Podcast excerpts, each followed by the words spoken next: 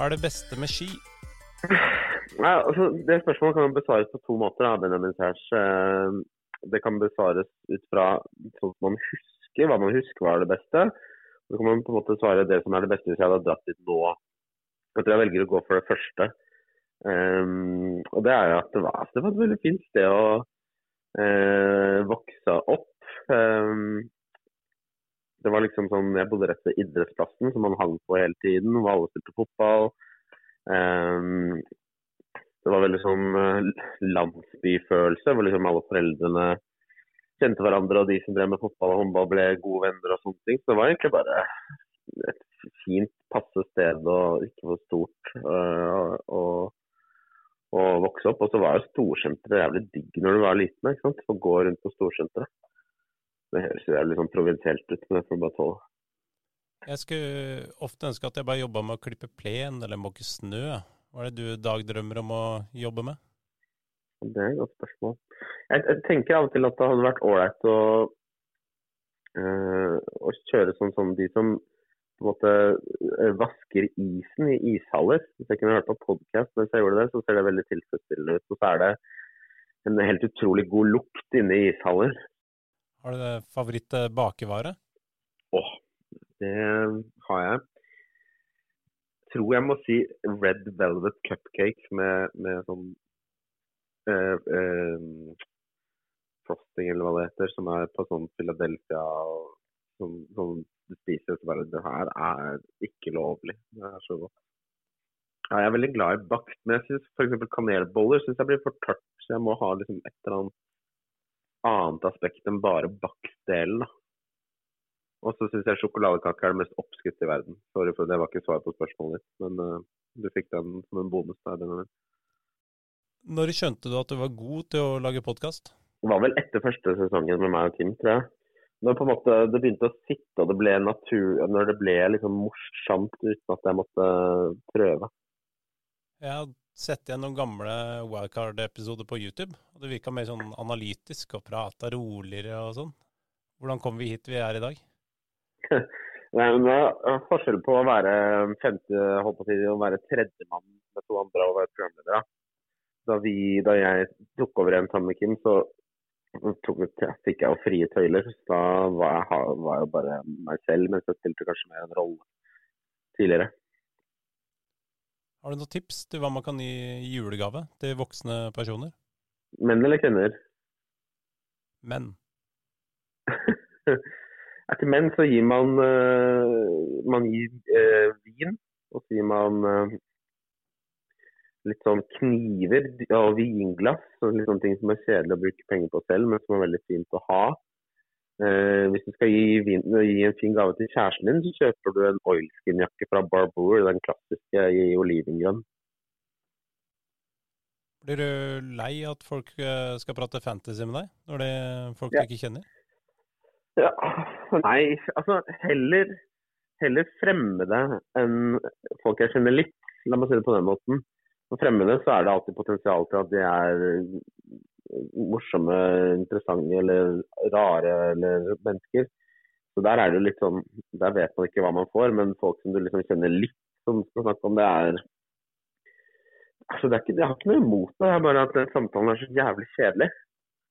For det er jo liksom sånn jeg har sagt alle setningene som kan sies om fantasy mange ganger før, da. Så jeg føler liksom at jeg blir eh, Jeg føler meg som liksom jeg føler meg som en sånn uh, trubadur som spiller på Gran Canaria, som har spilt 90-tallssanger nå i 30 år. Sånn føler jeg meg.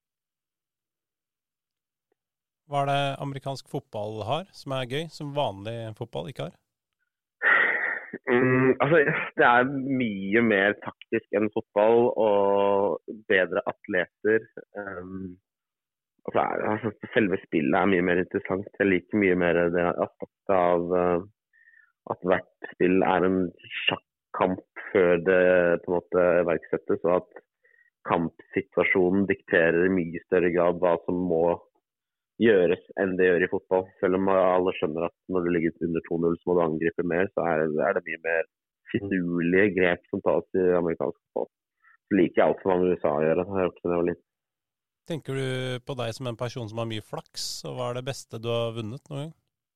Ja, eller flaks Altså, jeg, jeg jo jeg har, jo flaks på mange måter. Eh, hvor man er født og hva slags foreldre man har og, og sånne ting. Så sånn sett har jeg flaks det beste jeg har vunnet. Jeg har ikke vunnet noe sånn som, som bare gikk på sjanse, egentlig. Ja, jo, jeg vant ganske mye blackjack da jeg var i Las Vegas nå sist. Da satt jeg klokka fire på natten og spilte med et bord med, hvor det hadde gått bra lenge. Jeg hadde begynt å bli litt storkar, så jeg tipsa liksom dealeren sånn 25 dollars tonger sånn hvert 20. minutt. Og hadde to, to uh, damer fra Hawaii på, på den ene siden. Og så uh, kan du ha sånt sidebett i blackjack på Vegas som jeg gjorde uten at jeg helt skjønte hva det var jeg gjorde. Så plutselig så vant jeg sånn 2700 dollar eller noe sånt. Jeg prata med noen på jobben om at eh, det snart er jul, og de blir så lettrørt rundt juletider. Er du en eh, lettrørt eh, person? Definitivt. Og spesielt i jula.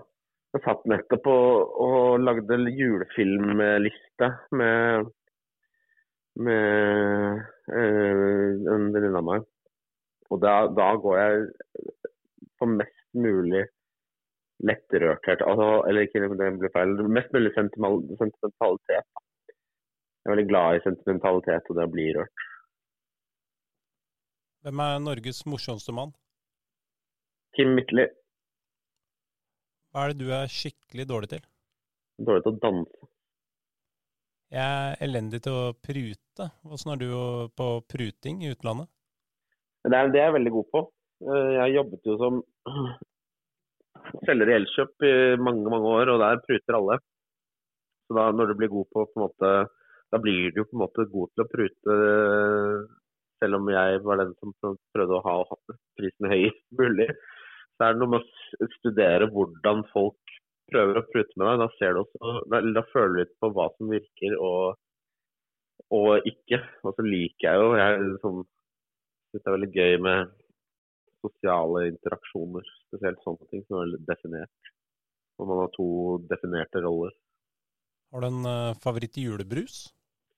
Ja, definitivt. Jeg sitter og drikker en Hamar julebrus mens vi snakker sammen nå, Benjamin. Jeg har lenge vurdert å tatt uh, en uh, Monkey Island-tatovering, men aldri gjort det. Hvilken Har du vurdert å tatt en tatovering som du ikke har tatt? Ja, du, det har jeg. jeg eh, var, vi var mye i Berlin da jeg besøkte Bergen. og Da pleide vi å dra på et sted som het White Trash Fast Food. Som, eh, som er et punkete sted hvor det var burgere oppe, og så var det et tatoveringsstudio i kjelleren. Og Da gikk jeg eh, ned der helt bestemt på å tatovere en sang, det er en house-sang som ikke er kjent for sikkert så mange, som, som heter Johnny D, som har en sang som heter Orbit Life som jeg hadde helt dilla på. Den har jeg tenkt å studere, nei, til å tatovere rett under der man liksom har klokka på en måte på venstre Der hvor man måtte måle pulsen, på en måte. Men eh, tatovøren sa nei, du er for full, så det ble ikke sånn.